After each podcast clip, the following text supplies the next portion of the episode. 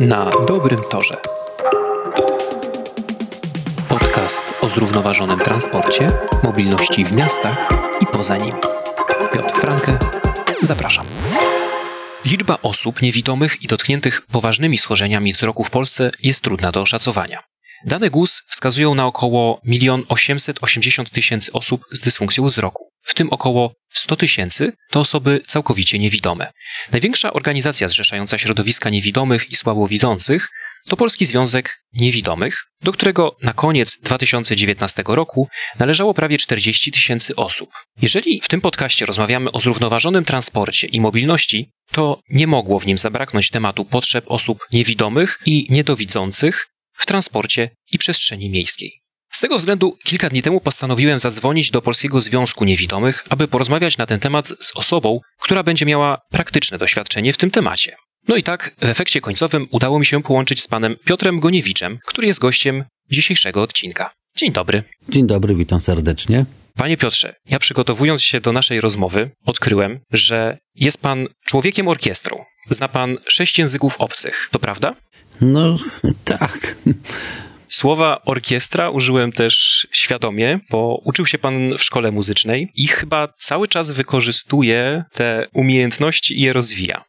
Generalnie muzyka zawsze była w moim życiu, jest i myślę, że pozostanie dość długo, więc ja nie stronię od muzyki. Słucham muzyki, także gram. Różne style muzyczne. Przez ileś lat grałem folk, później troszeczkę szanty, jakieś muzyka irlandzka, w tej chwili trochę rocka. No, bardzo różne. No, jeszcze do disco polo nie dotarłem. Chyba jestem za krótki. Ale gra pan tak samo nie tylko prywatnie, ale w całym zespole, prawda? Tak, no cały czas generalnie gram w zespołach, bo jako solista ja nigdy się nie czułem solistą, także zawsze lubiłem grać w zespołach, ponieważ to daje chyba większą frajdę. Jednocześnie wydaje mi się, że muzyka to nie jedyna pana pasja. No, mam kilka, że tak powiem, rodzajów hobby. Między innymi są to psy i żeglarstwo przez duże ży. Znalazłem informację, że jest pan współzałożycielem i byłem członkiem zarządu Fundacji Niewidomych Żeglarzy Ślepakura. Działa pan w Fundacji Empatia, która organizuje rejsy dla osób niepełnosprawnych. Regularnie wypływa pan na rejsy, szkoli osoby na jachcie Empatia i chciałby pan zostać pierwszym niewidomym sternikiem morskim. Wszystko się zgadza, no prawie wszystko, ponieważ ciągle jestem w zarządzie Fundacji Niewidomy Żeglarzy Ślepa Kura, wręcz awansowałem na przewodniczącego rady. To przepraszam. Jeżeli chodzi o jacht Empatia, już tak powiem stale współpracujemy ze sobą, nawet mieliśmy też stworzone takie konsorcjum, ponieważ powstają dwa nowe jachty z myślą o osobach z różnymi niepełnosprawnościami, nie tylko dla osób niewidomych czy na wózkach, nie, to będą różne niepełnosprawności, to będą takie bardzo uniwersalne jachty. Pracy było dużo, te jachty już powstają. No i miejmy nadzieję, że jeszcze zdążę na nich popływać, bo już jeden, że tak powiem, już kadłub tego jachtu istnieje. Najprawdopodobniej może w przyszłym roku już pierwszy ten jacht wypłynie na morze. Z tego, co rozmawialiśmy, to wiem, że wzrok tracił pan stopniowo. Może inaczej. Ja zawsze miałem jakieś tam problemy ze wzrokiem, ponieważ taki się urodziłem. No, medycyna jeszcze nie była na tyle dobrym poziomie, więc nosiłem kiedyś takie super grube okulary, takie no, może nie denka od butelek, co bardziej takie w kształcie lupy, nie? Tak zwane plusy. Później miałem wstawione sztuczne soczewki, jakoś mi się zaczęło układać w życiu, no i zaczęło się później apiać od nowa, zacząłem tracić wzrok. Miałem różne zainteresowania, miałem warsztat blacharsko-lakierniczy, bardzo mi się to podobało, ponieważ ponieważ technicznie zawsze lubiłem coś dłubać. Moje wykształcenie w ogóle na to nie wskazuje, że jakieś tam mechanika samochodowa, ale to było fajne. Przejdźmy teraz do życia codziennego i transportu, bo wyobrażam sobie, że swój dom zna pan jak własną kieszeń, tak jak się to mówi. Co się dzieje, jak wychodzi pan z domu? No akurat trasę też znam jak własną kieszeń, więc rzekłbym, że jestem nawet ją w stanie pokonać oprócz jednego miejsca, no praktycznie bez laski. Takie miejsce, gdzie muszę mieć laskę, to jest przede wszystkim przejście dla pieszych, bo to jest taka dość ruchliwa ulica, więc dla mojego własnego bezpieczeństwa. Biała laska się przydaje, chociaż kierowcy myślą, nie wiem, że to jest jakiś Nordic Walking, kij od mopa. Nie mam pojęcia, co oni sobie myślą w tym czasie, ale szacunek dla białej laski jeszcze jest taki dość mierny, że tak powiem. A później takie wewnętrzne dróżki, no to wręcz bez laski mogę pokonywać, bo znam każdą dziurę, każdy kamyk, płytkę. To się zapamiętuje. I na kroki? Na kroki, ale też bardzo dużo używam słuchu. Dla mnie słuch jest też bardzo istotny, więc jeżeli ja chodzę z słuchawkami, mam takie słuchawki dość specjalne, które umożliwiają mi korzystanie z nich, a jednocześnie nie zakrywają mi uszu. Takie na przewodzenie tkankowo-kostne. Czyli ja otrzymuję dźwięk z przetwornika przed uchem, a uszami słyszę to, co dookoła się mnie dzieje. Dla mnie to jest bardzo istotne. Mhm. Ale to słychać psa szczekającego? Czy co to są za dźwięki? W jaki sposób zorientować się w przestrzeni? No, to już jest bardzo, że tak powiem, szerokie zagadnienie, ponieważ każdy z nas słyszy psa, potrafi określić, z którego kierunku on szczeka, czy na przykład samochód można usłyszeć, że on jedzie, nie wiem, z lewej na prawo, z prawej na lewo, ale ja korzystam jeszcze z echa, ponieważ każdy dźwięk wydawany, załóżmy przeze mnie, oddaje jakieś echo. I dla mnie to jest bardzo istotna informacja. I to można nawet sobie samemu sprawdzić gdzieś przed jakąś gładką ścianą. To każdy z słuchaczy może sobie to taki eksperyment zrobić, stanąć przed gładką ścianą, stryknąć na palcach, czy zrobić i to echo do nas wróci. Im bliżej, tym się, że tak powiem, ten dźwięk powracający do nas będzie krótszy. Ale jeśli chodzi o słupy oświetleniowe na przykład? To trzeba znać, no może są jacyś ludzie, którzy są w stanie to wysłyszeć, ja tego nie umiem im węższy przedmiot, tym gorzej jest go wysłyszeć. Zresztą to można bardzo łatwo wytłumaczyć. Jeżeli nietoperze wylatują na polowanie, one odżywiają się innymi ćmami. Jeżeli ćmy słyszą, że leci nietoperz, one składają skrzydła w ten sposób, aby ten dźwięk przeszedł, jakby ustawiają skrzydła prostopadle do tego nadlatującego nietoperza, żeby dźwięk się, broń Panie Boże, nie odbił od tych skrzydeł. Bo jeżeli się odbije od skrzydeł, no to już nietoperz ma kolację. Parę lat temu byłem na niewidzialnej wystawie w Warszawie. Jest to wystawa, gdzie wchodzi się w zupełnej ciemności i przechodzi pomiędzy zainscenizowane czy sztucznie stworzone w ramach tej wystawy przestrzenie zarówno wewnątrz budynków, jak i miejskie.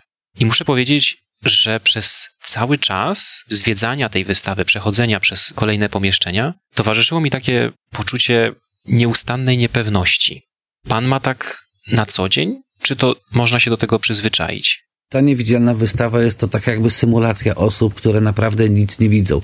Osób, które naprawdę nic nie widzą, tak w ogóle nic, jest jakieś 2%, na szczęście, nieszczęście, nie wiem jak to określić. Reszta ludzi posiada jakieś tam szczątkowe widzenie, jest to światło chociażby. To już jest bardzo dużo. Jeżeli chodzi o niepewność, oczywiście, że zawsze jest niepewność, bo nawet będąc na ulicy, my nie jesteśmy pewni tego, jak się zachowa inny przechodzień, jak przejedzie dany samochód. To jest zawsze wielka niewiadoma, więc tutaj być pewnym czegoś w ogóle na ulicy, to chyba w najbliższym swoim otoczeniu, kiedy mieszka się na takiej ulicy, po której nic nie jeździ. To wtedy pewnych rzeczy można być prawie pewnym, ale jeszcze są ludzie, zwierzęta, także no, to nie można powiedzieć, że jest się pewnym czegokolwiek. To się nie da tak. Jakie narzędzia jeszcze pan wykorzystuje? Powiedzieliśmy w zasadzie już, że biała laska to tylko gdzie niegdzie. Biała laska powinna być zawsze. U osób, które mają dość duże kłopoty ze wzrokiem, słabo widzą, mają jakieś inne różne schorzenia, e, moim zdaniem i nie tylko moim zdaniem powinny nosić białą laskę z prostego powodu.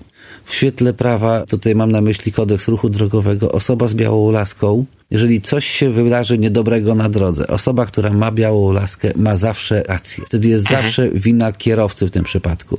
Jeżeli coś się wydarzy niedobrego i ta osoba z dysfunkcją wzroku powie, że nie zauważyła czy coś, no niestety zawsze jest wtedy jej wina. Gdyby nawet była to, załóżmy, wina kierowcy, to niestety jest to osoba słabowidząca i wtedy jest zawsze wina tej osoby.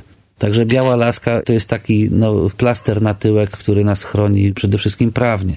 Ja używam białej laski po to, żeby tak naprawdę nie wejść w cokolwiek, bo niespodzianki są różne. Tak jak powiedziałem, można być pewnym własnej kieszeni czy coś, ale zawsze jest ten czynnik ludzki, który wprowadza pewne zmiany, więc ja na ulicy zawsze używam białej laski. Aczkolwiek od jakiegoś czasu, czyli od czerwca zeszłego roku, z powrotem ganiam z psem przewodnikiem, jest to bardzo duże ułatwienie. Okej, okay, to pies przewodnik to rzeczywiście kolejne super narzędzie. Są jeszcze jakieś gadżety? Powiedział pan o słuchawkach. Tak, słuchawki przydały mnie się na przykład w obcym terenie, bądź też na przykład, jeżeli jadę gdzieś długo autobusem, nie są zapowiadane przystanki, a tych przystanków jest ze 40. Mówiąc kolokwialnie, odpalam sobie nawigację i mam jakiś tam tryb monitorowania, w jakim miejscu się wtedy znajduję. Ja słyszę wtedy, co dookoła mnie się dzieje w tym autobusie, a co jakiś czas mam komunikat, że jestem w takiej to a takiej okolicy. Także są to słuchawki. No jest jeszcze wiele innych gadżetów, których ja akurat nie wykorzystuję, bo są laski, które na przykład wskazują, że zbliżamy się do jakiejś tam przeszkody. No moim zdaniem ja bym z tym nie potrafił chodzić. Są gadżety nakładane na czoło, na rękę, są takie, to działa na zasadzie właśnie jakby fali odbitej, czyli tak zwanego nietoperza, które wibrują w przypadku zbliżania się do jakiejś przeszkody. Są bardzo fajne rzeczy, taka specjalna jakby kamerka do okularów, która jest w stanie nas poinformować, jeżeli załóżmy zrobimy gest, jakbyśmy patrzyli na zegarek, to powie, która godzina, wskażemy na jakiś obiekt, to powie nam, jaki to kolor. Możemy nawet wziąć zwykłą książkę i ją rozłożyć, to urządzenie zacznie nam czytać treść tej książki. Naprawdę są bardzo różne teraz technologiczne rozwiązania,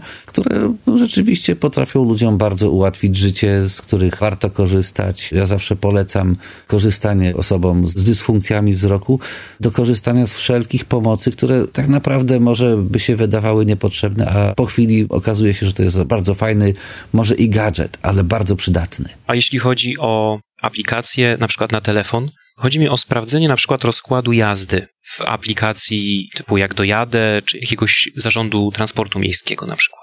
Myślę, że najbardziej rozpowszechnioną aplikacją, jeżeli chodzi o transport miejski, jest aplikacja rzeczywiście Jak dojadę. To jest aplikacja bardzo fajnie działająca i na Androidzie, i na iOSie, za pomocą której rzeczywiście jesteśmy w stanie sobie ustalić odjazd autobusu. No i to, co ta aplikacja naprawdę nam oferuje.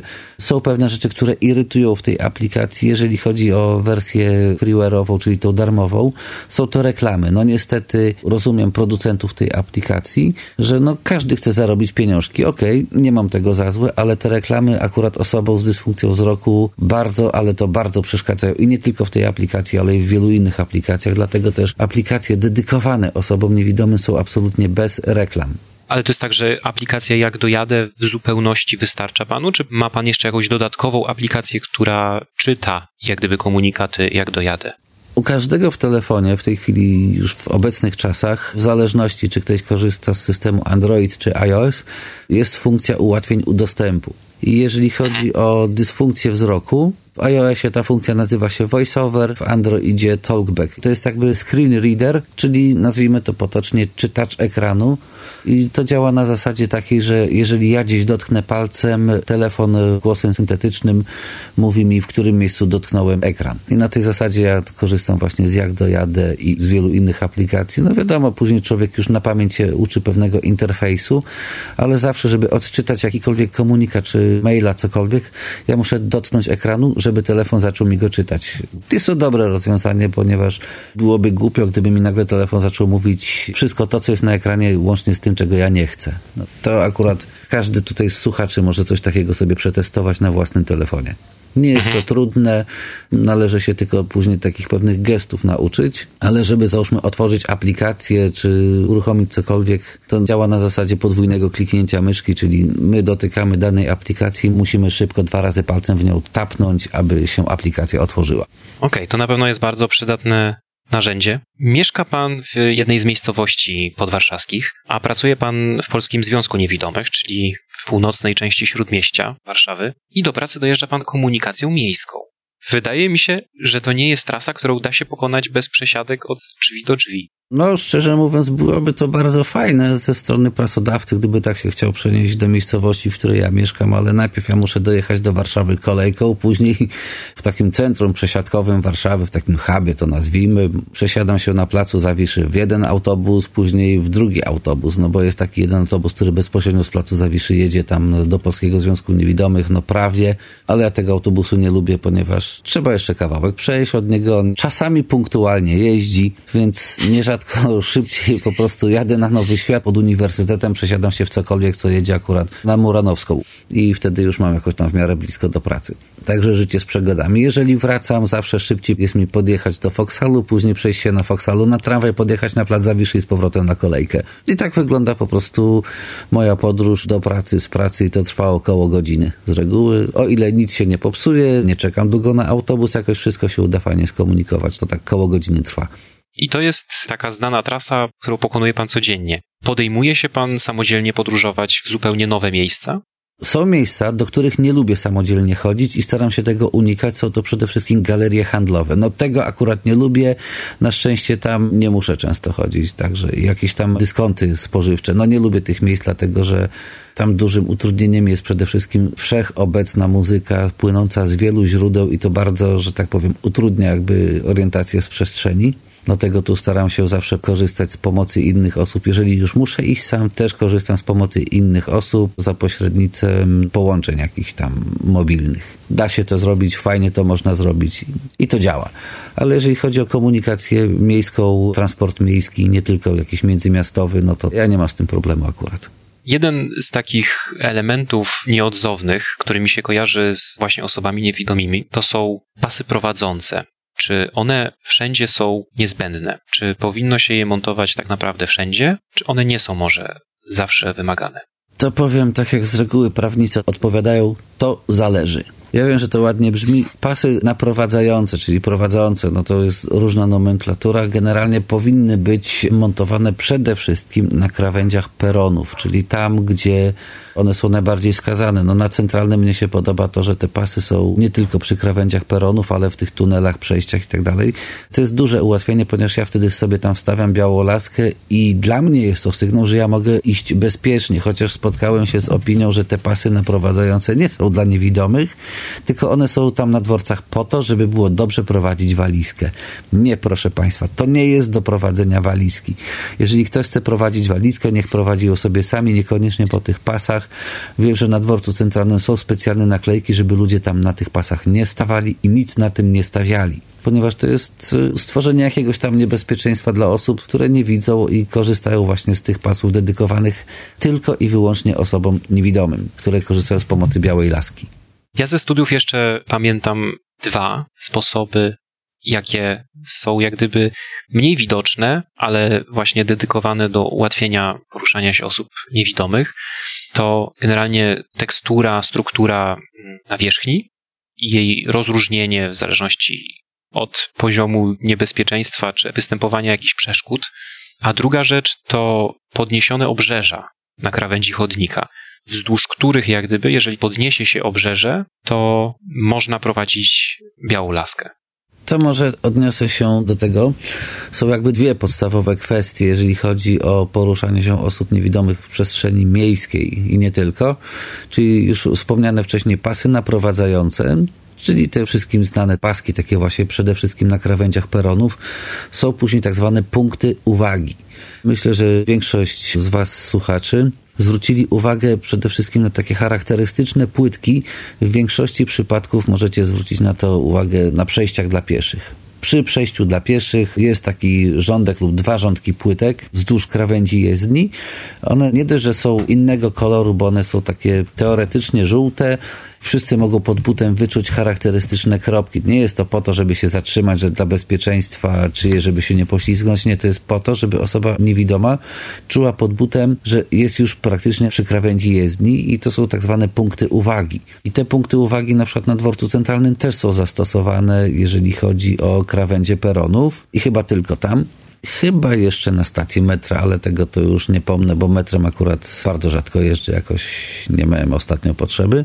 A trzecia opcja, ten podniesiony krawężnik, no to raczej to jest marzenie. To jest tak bardzo rzadki przypadek, to jest skrajnie rzadki przypadek, kiedy te krawężniki są podniesione, także to jest bardziej teoria niż praktyka, ale głównie to przede wszystkim należy zwrócić uwagę na paski naprowadzające i punkty uwagi. Jest jeszcze jedno ułatwienie, o którym należałoby wspomnieć, stosowane na przystankach autobusowych, chociaż to jest już w takiej postaci szczątkowej. Na większości dworców kolejowych to istnieje i to jest dobrze zaznaczone tak samo na stacji metra, takie żółte pasy namalowane. Dlaczego żółte? Dlatego, że kolor żółty jest najdłużej widzianym kolorem przez ludzkie oko, jeżeli są jakieś wady wzroku. Tak mamy skonstruowane oko, że akurat kolor żółty jest dla nas najbardziej widoczny. Może na niektórych przystankach komunikacji miejskiej w Warszawie jeszcze ten żółty kolor gdzie niegdzie pozostał, ale on się tam w większości przypadków powycierał. Kiedyś to pomalowali, było fajne, no teraz już tego raczej trudno spotkać. Najczęściej można to spotkać na dworcach kolejowych maluje się właśnie te żółte pasy. Są to też pasy ostrzegawcze, no i powinno się też stosować pewną taką kolorystykę kontrastową na podłożu i broń Panie Boże, nie odbijającej światło, czyli jakieś takie te takie super gładkie, lśniące powierzchnie, to dla osób z dysfunkcjami wzroku to jest przekleństwo. Rozmieszczenie tych pasów prowadzących, tych pól uwagi, często wynika z różnych standardów, które są na przykład przyjmowane w przypadku Warszawy to są standardy dostępności, w przypadku polskich linii kolejowych i stacji to są wytyczne architektoniczne dla infrastruktury pasażerskiej. Czy te standardy można powiedzieć, że one są w porządku, one są jednolite z Pana perspektywy? Jak to wygląda w praktyce, jak gdyby ich wdrożenie? Generalnie istnieje coś takiego od dłuższego czasu, nazywa się to ładnie projektowanie uniwersalne. Dotyczy się to tworzenia dróg publicznych i tak dalej, łącznie z budynkami użyteczności publicznej. Projektowanie uniwersalne ma między innymi za zadanie właśnie instalowanie takich pasów naprowadzających, stosowanie kontrastowych kolorów czy też punktów uwagi są pewne standardy, ale one są tak naprawdę różne. No i my jako organizacja, czyli Polski Związek Niewidomych, staramy się, żeby pewne standardy już zacząć stosować i ujednolicać, ponieważ jeżeli chodzi na przykład o oznakowanie schodów, u jednych jest to linia na pierwszym i ostatnim schodku, u jednych jest to 5 cm, a u innych 10 cm. No i my dążymy do tego, żeby te linie były jednak 10 cm, dlatego że one są wtedy bardziej widoczne. Jeżeli chodzi o odległości, też jest to już jasno określone w pewnych wytycznych. Aczkolwiek przede wszystkim dzika deweloperka w ogóle ma to jakoś generalnie w nosie. Oni jak stawiają, to stawiają. Dla nich liczy się tak zwany PUM, czyli powierzchnia użyteczności mieszkaniowej, czy jakoś tak. I całą resztę oni mają w nosie, byle postawić, byle sprzedać, a resztę to się niech kto inny martwi.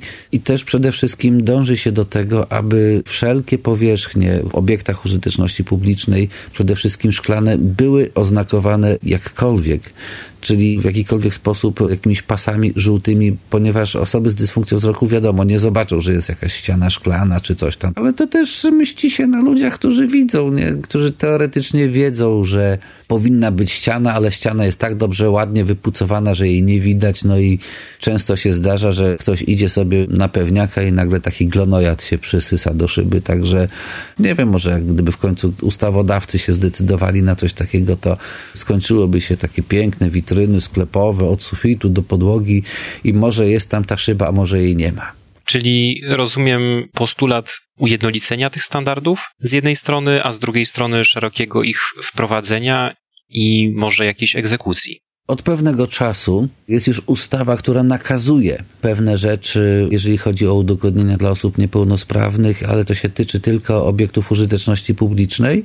I osoba niepełnosprawna, jeżeli zauważy jakiś mankament, gdzieś jest jakieś rażące zaniedbanie, no to ma prawo złożyć skargę, wtedy Ktoś, kto odpowiada za to, może zapłacić 5 tysięcy złotych kary albo 10 tysięcy i jej wielokrotność. Czyli koszta mogą być niespółmiernie duże, jeżeli jest to jakieś rażące zaniedbanie, które rzeczywiście naraża bezpieczeństwo życia i zdrowia osoby niewidomej lub osoby z inną niepełnosprawnością. Więc dlatego też to projektowanie uniwersalne to się mówi teraz ładnie, że należy mieć na uwadze dobro osób ze szczególnymi potrzebami, bo są to także i seniorzy, osoby, nie wiem, z dziećmi w wózku, z ciężkim bagażem, dlatego też coraz częściej stosuje się windy. Jeżeli chodzi o kolej WKD lub też e, koleje mazowieckie, najbardziej niedostosowaną stacją dla osób niepełnosprawnych to jest Warszawa Ochota tam ktoś, kto na przykład chciałby sobie na wózku inwalidzkim wsiąść do pociągu, no to sam to sobie w życiu nie poradzi. Tam nie ma ani windy, ani podjazdu, po prostu nie ma nic. Jeżeli chodzi o jakość peronów, no to Koleje mazowieckie na Ochocie kucają. Stan tego peronu jest żenujący. No, na Powiślu podejrzewam, że też podobnie. Warszawa Śródmieście na przykład jest fajnie zrobiona, bo są na przykład te paski naprowadzające, chociaż ze względu na ilość ludzi tam kroczących, to ciężko, że tak powiem, poruszać się tymi szlakami dla niewidomych. To na koniec może jeszcze takie pytanie. Jak wyglądałaby idealna przestrzeń publiczna z Pana perspektywy? To ja tutaj może się odniosę na razie do transportu miejskiego. Moim zdaniem w transporcie miejskim byłoby miło, gdyby kierowcy, którzy przechodzą jednak szkolenia w zakresie obsługi pasażerów i tak dalej, w większości na przykład autobusów, tramwajów tych nowych jest możliwość uruchomienia komunikatu dźwiękowego takiego na zewnątrz autobusu, że linia taka i taka, kierunek taki i taki. Może jeden na 50 to robi. Reszcie się po prostu nie chce dotknąć tego guziczka, albo jeżeli już to robią, to ja już jestem w autobusie, bo na szczęście inni współpasażerowie zdążą mi powiedzieć, jaki to numer. Także byłoby miło, gdyby po prostu takie komunikaty były na zewnątrz autobusu. Takie rozwiązanie na przykład zauważyłem w komunikacji miejskiej w Lubinie, czyli na zachodzie Polski. Przyjeżdża autobus na przystanek i on już tak jakby z automatu ma odpalany komunikat, że linia taka i taka. To można zrobić i da się to zrobić i to fajnie działa. W Łodzi na przykład można sobie zanabyć takiego specjalnego pilocika za parę groszy i za pomocą pilocika odpalamy sobie my z własnej tam kieszonki, gdzie tam tego pilota sobie chowamy. Za pomocą guziczka włączamy sobie sami komunikat, jaki to jest numer autobusu. W Warszawie no, jest jeszcze trochę rzeczy do zrobienia. Byłoby też fajnie, gdyby piktogramy były tak umieszczone, aby ludzie widzący, korzystający z transportu publicznego wiedzieli, że jest to na przykład miejsce dla osoby niepełnosprawnej, ponieważ na przykład w kolejkach WKD w większości pociągów te naklejki są jakoś tak dziwnie schowane, przeważnie przy przycisku SOS, który jest za plecami pasażera, który już siedzi na tym krzesełku, że nawet być może ci pasażerowie sobie nie zdają sprawy, że jest to miejsce oznakowane dla osób niepełnosprawnych. No i byłoby też fajnie, gdyby w komunikacji miejskiej, międzymiastowej i tak dalej jednak były jakieś zagłuszacze sygnału telefonii komórkowej z prostego powodu. Jeżdżę często autobusami, wręcz codziennie, długo jeżdżę, bo to dwie godziny dziennie i taką nagminną rzeczą, którą robią moi współpasażerowie, to jest to, że oni mają takie modlitewniki i tam jest takie białe F na tych modlitewnikach na takim niebieskim tle, no to chyba każdy wie o co mi chodzi. Więc oni siedzą z tymi modlitewnikami zapatrzeni w te modlitewniki, modlą się do tych telefonów i już świata poza tym nie widać. No, świat istnieje poza Facebookiem, naprawdę. Wystarczy się rozejrzeć, a może ja rzeczywiście siedzę na miejscu dla osoby niepełnosprawnej, a może ktoś potrzebuje mojej pomocy.